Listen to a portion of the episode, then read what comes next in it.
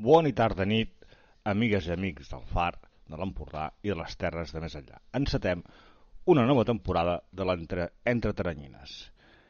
I si no sé si recordareu que la temporada passada vam tenir un entre, un entre Taranyines dedicat als còmics que parlaven d'addiccions. Eh, aquest cop, i per seguir una mica la línia començada amb aquest programa, avui us vindria a parlar de còmics que parlen sobre malalties que poden afectar el nostre cervell i o com la forma en què percebim la, les coses. Però abans de començar m'agradaria parlar d'uns còmics que van quedar pendents de comentar en el podcast que eh, us parlava anteriorment. O sigui que, si, si us sembla, comencem.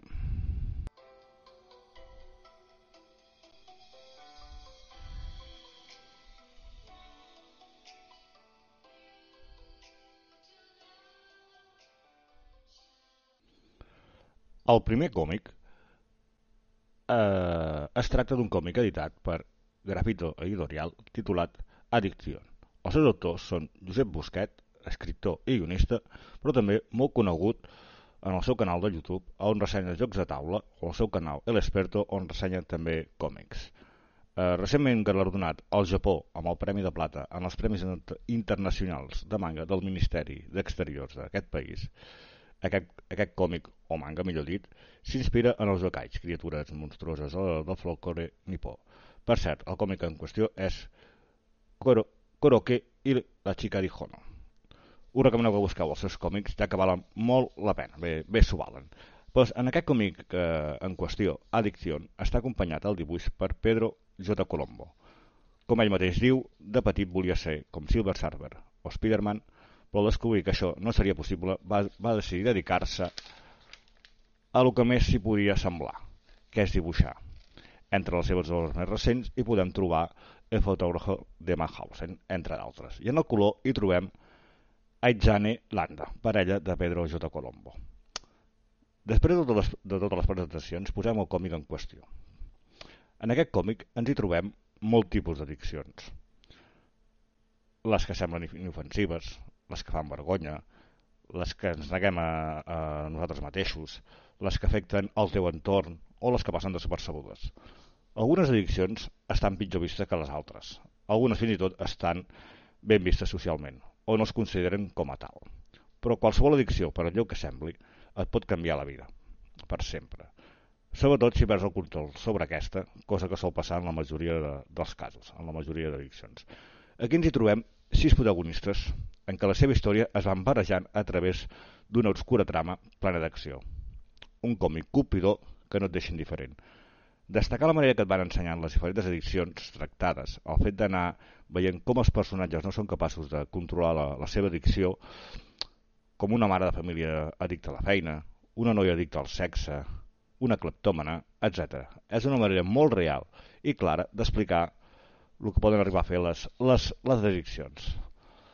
El fet que destacaria d'addiccions potser és que no són tractades, són addiccions que potser no són tractades habitualment. I el fet que ho tracten com realment passarien a la vida real. Ja que potser algunes les tenim molt normalitzades, potser fins i tot massa. I tot això barrejat amb un punt de thriller que aconsegueix enganxar-te des, de la, des de la primera pàgina. És un còmic de 2019, com he dit abans de Gràfic Editorial, però suposo que si ho demaneu a la vostra llibreria habitual o a la pàgina web de, de la mateixa editorial encara, encara, el podríeu, encara el podríeu trobar.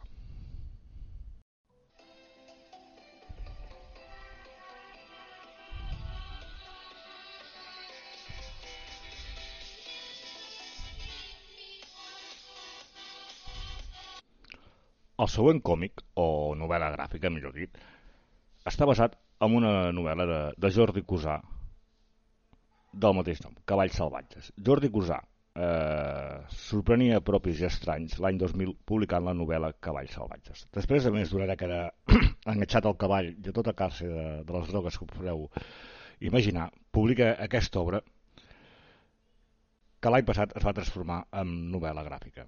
Com us deia, l'autor que, que anteriorment havia fundat un grup de teatre, Anònim Teatre, i havia escrit diferents també obres de teatre, comença a publicar relats sent finalista a diferents certàmens.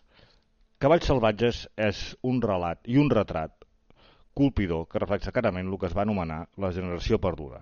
Eh, podria ser als finals dels 70, principis de, dels, dels 80, on les drogues van causar estralls a una generació que es volia sentir lliure i que se sentien diferents. Ningú s'esperava que un ex-jonqui tragués una obra d'aquest calibre, ja que es tracta d'una obra immensa, extraordinària, que reflecteix molt bé el que era o podia ser la vida d'un addicte en aquella època.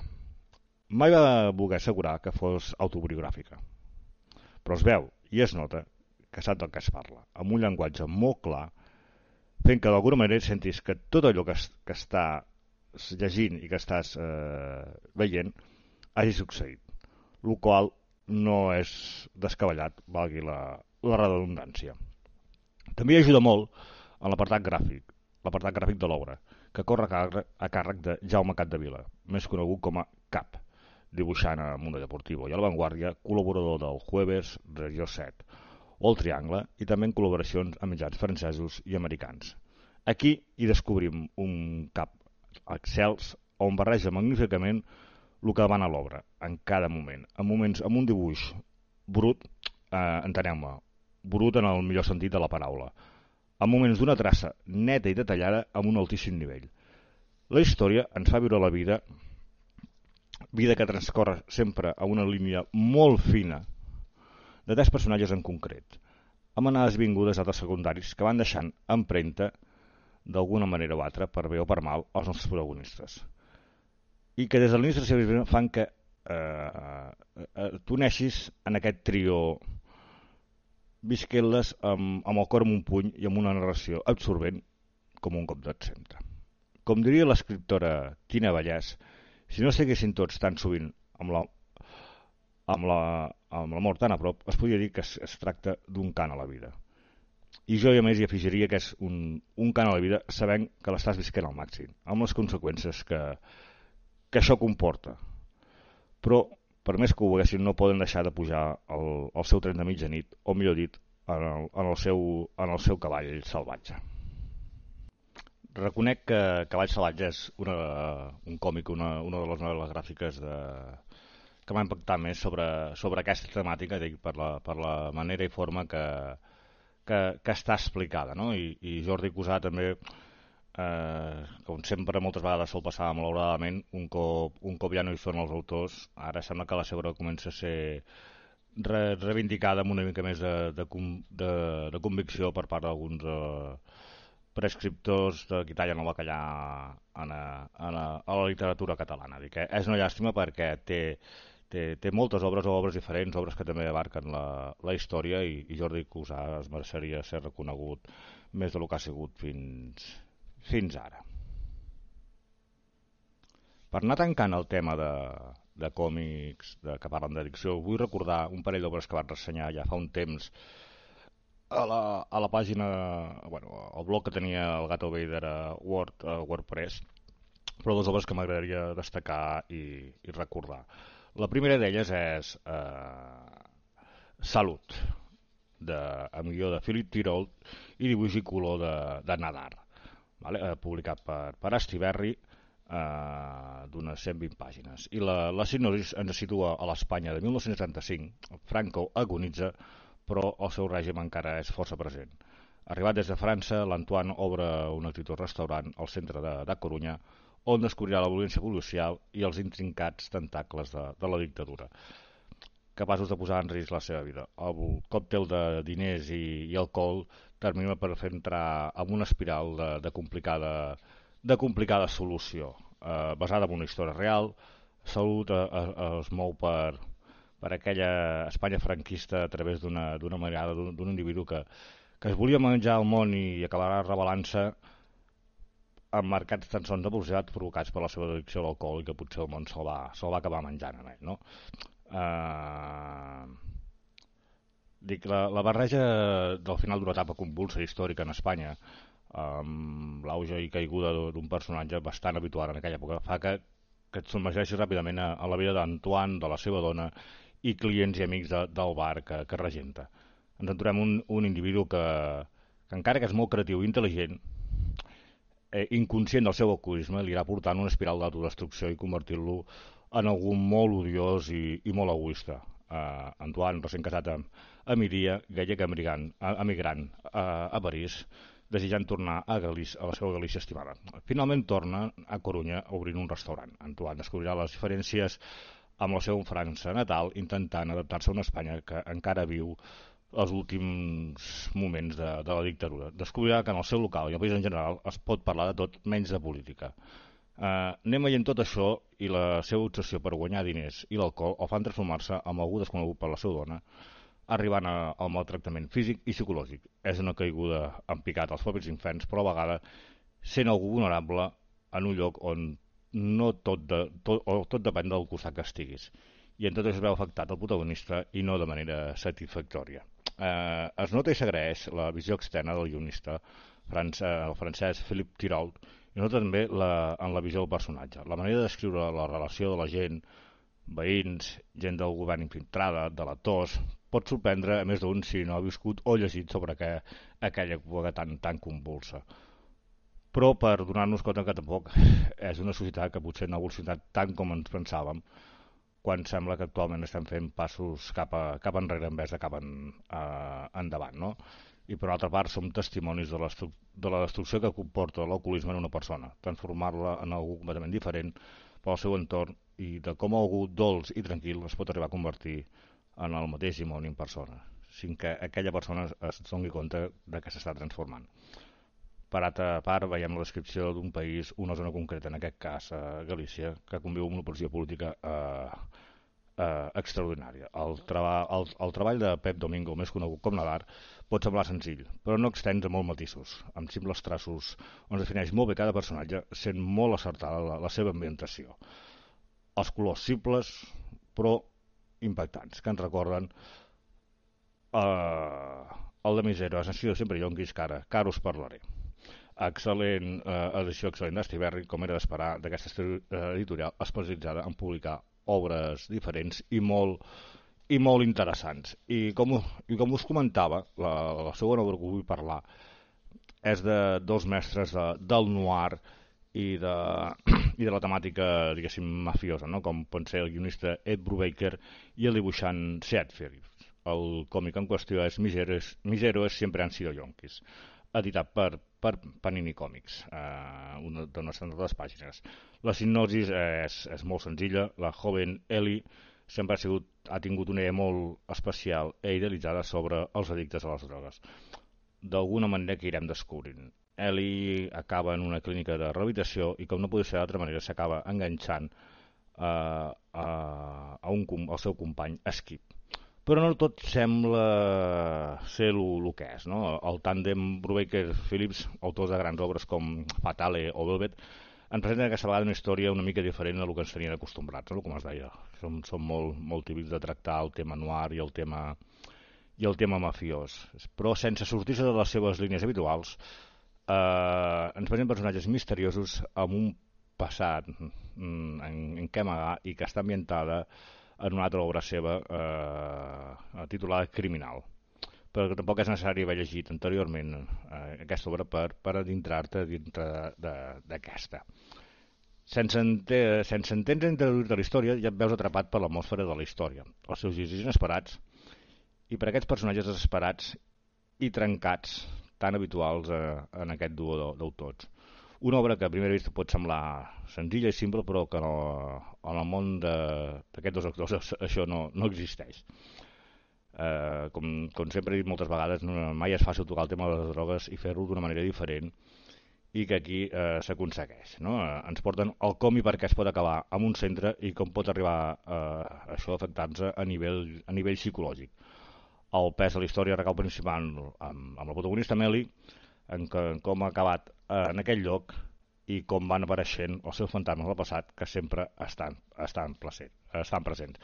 Potser si us expliqués una mica més ja seria destripar la, la, la, la història, tot i que al final pot ser una, una mica abrupta, eh, eh, us, us recomano que és molt, molt interessant. Eh, el color de Jacob Phillips ens ajuda una, una paleta de colors pot semblar mal acabada, però bueno, suposo que eh, és el que demana aquest còmic, però que, que val la pena de, de, de, de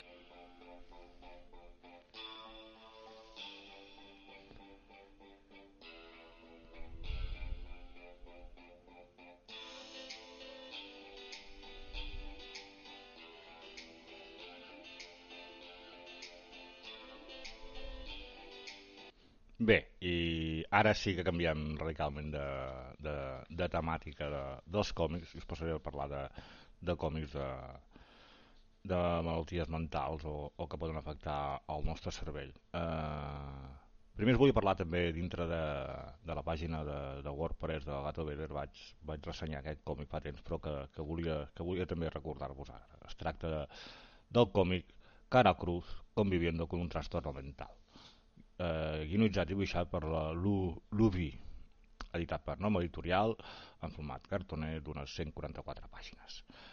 La, la hipnosis és, molta gent té un gos, un gat, un peix daurat, però la Lu té ciclotímia, un trastorn de l'estat d'ànim de la família de les enfermetats eh, bipolars. Eh. I què fer quan descobreixes que, que tens un, un petit, una petita guilla en, eh, en el teu cervell?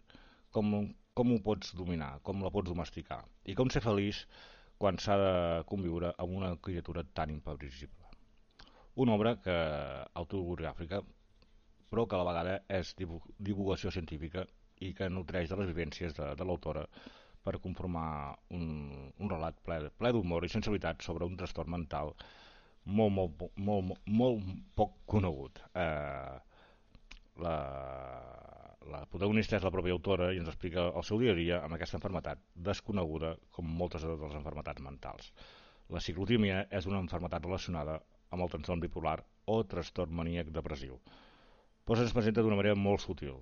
Mm, no, no us espanteu. L'autora ens ho explica d'una manera molt, molt amena i entretinguda de manera que es converteix en un còmic, es podria dir, d'aventures. Uh, la Lu comença la seva narració explicant els seus primers símptomes al voltant del, dels 16 anys, edat complicada per descobrir que ets diferent eh, als altres.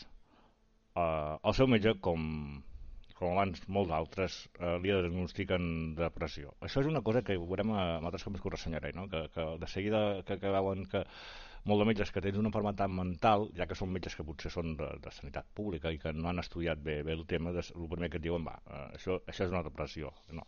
I, I per desgràcia existeixen moltes malalties mentals que no sempre són depressions no? Eh, però ella, la protagonista, no contenta amb el diagnòstic, eh, finalment aconsegueix trobar un, espe un especialista que, que li sap detectar que el que ella pateix és ciclotímia.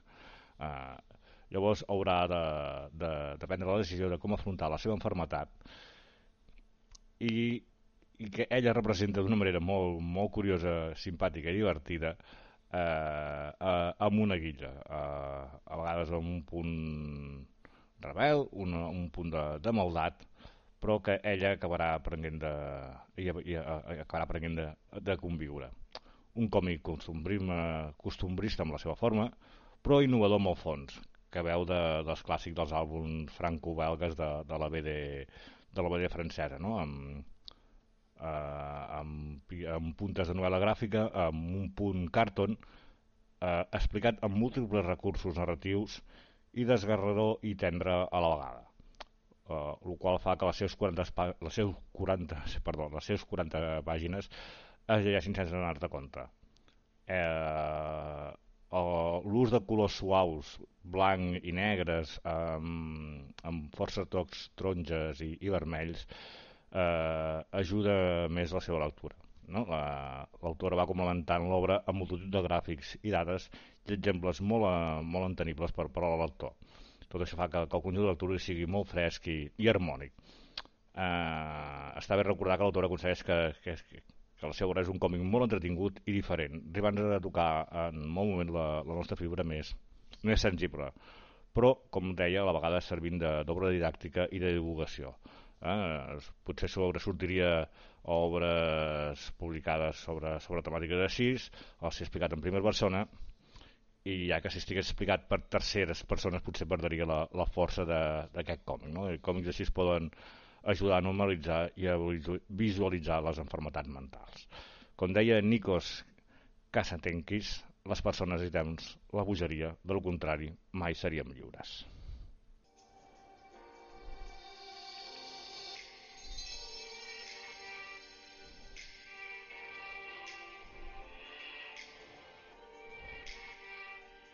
I seguim parlant de, de còmics que parlen de, de temàtiques sobre malalties mentals. Us vull parlar de Comiendo con Miedo, que ara també la podeu trobar en català, Menjant amb por, editada per, per Norma Editorial a través de, de la seva de la seva editorial Astro, Astronave, obra que tracta sobre els desordres alimentaris. Eh, la seva autora ens fa un relat autobiogràfic del que va viure des, de, des dels 13 anys, eh, molt, molt joveneta, eh, va començar a viure el que és l'anorèxia o TCA, trastorn de la conducta alimentària. Veureu que tots aquests còmics que, que parlen de, de malalties mentals són, solen ser obres autobiogràfiques i, i que la veritat és que això ajuda, com, com deia abans amb l'altre còmic, a entendre millor l'enfermetat i, i, lo, i el que li succeeix a la persona. Doncs això, parlem de, de l'anorèxia o TCA, trastorn de la conducta alimentar, alimentària. Un còmic explicat en primera persona, amb un, disc, amb un dibuix clar i un punt dolç, i ens va explicant com va evolucionant eh, lentament el, el monstre que té la nostra protagonista a dintre. Això és un terme, com heu vist abans amb l'altra enfermedad que us parlava, amb la psicodímia. Això és un terme molt utilitzat en aquest tipus de malalties, no? Tractar allò que et passa eh, anomenant-lo com a monstre o, o, o un animal, o, o fins i tot pot posar-li nom, no? En aquest cas, eh, la nostra protagonista de l'Elisabet eh, li acaba anomenant Nore.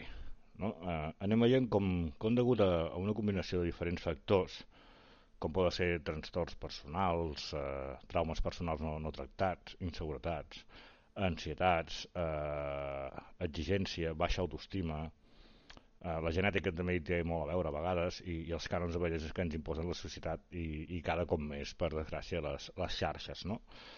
Eh, en Nore, el monstre del nostre protagonista, es va fer, més, es va fer més fort i que la protagonista es va desconnectant de, de tothom i de realitat, no? fins al punt d'acabar ingressada. Veient lo que pot arribar a ser una malaltia d'aquest tipus, eh, sent conscient que són malalties que si no es tracten bé o no es fa una bona, eh, una bona recuperació, és molt, és molt fàcil de, de recaure. No? A destacar també com l'autora reflecteix molt bé que, que la sanitat en general no està prou preparada per, per detectar i tractar aquests tipus de, de diagnòstics eh, eh, i, i acaben sent tractats diagnòstics equivocats i això fa que, que la persona encara se senti més, més incompresa de, de lo que se sent. No? Mm, és, és un còmic que, que et parla de, de tu a tu fent senzill alguna que, és, que, que pot ser molt complicat i que ajuda a entendre d'una manera molt, molt didàctica i a, i a la vegada informant i conscienciant sobre aquest tipus de, de malaltia. No? Uh, un, un manau viscut de, de com fer front a un trastorn que actualment uh, a Espanya en, diria que afecta unes 500.000 persones, que aviat has dit, uh, majoritàriament joves, o sigui, han d'estar molt tanto amb el, amb, el, amb el nostre jovent uh, en aquests casos, que, dic que, és molt fàcil que, que s'hi arribi que s'hi arriba a caure. Uh, uh, tot això té un dibuix també endolcit i clar com s'ha i que llegeix també d'una manera molt, molt lleugera i, i, i pràctica. I ara sí, uh, per, per, anar, per anar acabant el repàs en, en aquest tipus de, de còmic, el segon còmic que us parlaré és uh, Manicomio, un còmic de, de Xavi Domínguez, els dibuixos i guió de, de Montse Batalla. El dibuix de Xavi Domínguez té, té un punt d'indi eh, molt bo, la veritat, m'ha sorprès per ser, si és la seva primera obra publicada, eh, té, té nivell, i podia re, eh, recordar a Daniel Clouds o, o mateix Barnes. I el guió ens hi trobem a la Montse Batalla. Eh, tornem a tenir, com deia abans, uns fets autobiogràfics on la Montse, la seva protagonista, ens explica eh, amb un aire de terror psicològic eh, denuncia el maltractament psicològic i físic que va viure arran de ser ingressada en un institut, en un institut psiquiàtric, un, un manicomi, vaja. Un manicomi, un manicomi on recorda potser els, els manicomis eh, d'abans, no? i, i lligat amb, amb, amb el que he estat parlant i, i, i recordant abans, no? com a vegades la, la sanitat no està prou preparada per saber tractar o detectar certs casos de, de malalties mentals. Ja, un punt a favor és que últimament s'hi està ficant eh, s'hi està, està ficant molt en aquest sentit i s'hi està millorant molt. Eh? No pensi que, que tota l'estona estic criticant la, la sanitat en aquest sentit, però reconec que últimament eh, la Generalitat i l'Estat i, i estan intentant, intentant posar remei, sobretot eh, arran de la pandèmia i centrant molt en el, en el nostre jovent. Doncs seguint, seguint amb el còmic, la Montse, la, la protagonista, ens va explicant la, la seva vida, no? una vida de qualsevol jove, estudiant, eh, treballant amant de, de la història i de l'art, eh, amb una parella que hi té una relació més aviat eh, tormentosa i que li fa més, més mal que bé. I, i, a, i a mesura que va passant el temps s'hi aferra encara més, tots sabem que, que no li fa cap bé, aquesta parella és, és en pau. Eh, degut a tot això i a anades vingudes de, de la parella, ella es va deixant anar i sense donar-se compte té com, com un bloqueig, com ella mateixa ho anomena, comença a desconfiar de tothom, no pot dormir, eh, no menja bé, res li, li satisfà fins al punt de, de quedar completament bloquejada, gairebé ni, ni poder parlar, sense comprendre de, de, de, de què li veu, què li està passant. És ingressada a urgències i sense gaires diagnòstics ni, ni miraments clars, l'ingressen en, en un manicomi. On gairebé tots els pacients són tractats de, de la mateixa manera i, i medicació, impactant com es reflexa la poca professionalitat i la fredor de, de certs metges i certs infermers d'aquest centre, no? que, que, que, veiem, que, que, que veiem que acaben tractant de, de qualsevol manera els pacients, fins i tot en, en un punt d'impotença, però per sort sempre hi ha algú que, que sap com tractar aquest, aquests malalts, una espècie d'àngel de, de la guarda un relat dur, explicat de forma senzilla i propera que fa que, que la història flueixi de manera molt, molt natural. Transicions ràpides entre vinyetes que, que fa un guió dinàmic, tot i la, i la cruesa de, del relat. Editat que molt, molt cuidadosament per Ediciones La Cúpula, la primera edició va ser el 2019 i la segona va ser eh, el, el 2020. Eh, mm, que és un còmic també molt, molt recomanable. Bueno, i fins aquí tindríem el meu repàs, recomanacions, ressenyes, digueu-li com vulgueu, d'aquest tipus de, de, de còmics. Si heu llegit aquest còmics o, o els acabeu llegint o n'heu llegit de, de semblant, sisplau, feu-m'ho saber en l'apartat de, de comentaris de, de l'aplicació d'e-box i si m'escolteu per altres uh, aplicacions uh, deixeu comentaris a, a xarxes, no? a, a Twitter mateix o, o, o Instagram, que ens podeu trobar com el Far Friki de, de l'Empordà. Doncs res, més, sense més dilació, eh, moltes gràcies per escoltar-nos i, com diuen sempre, que el friquisme us acompanyi. Adeu, adeu.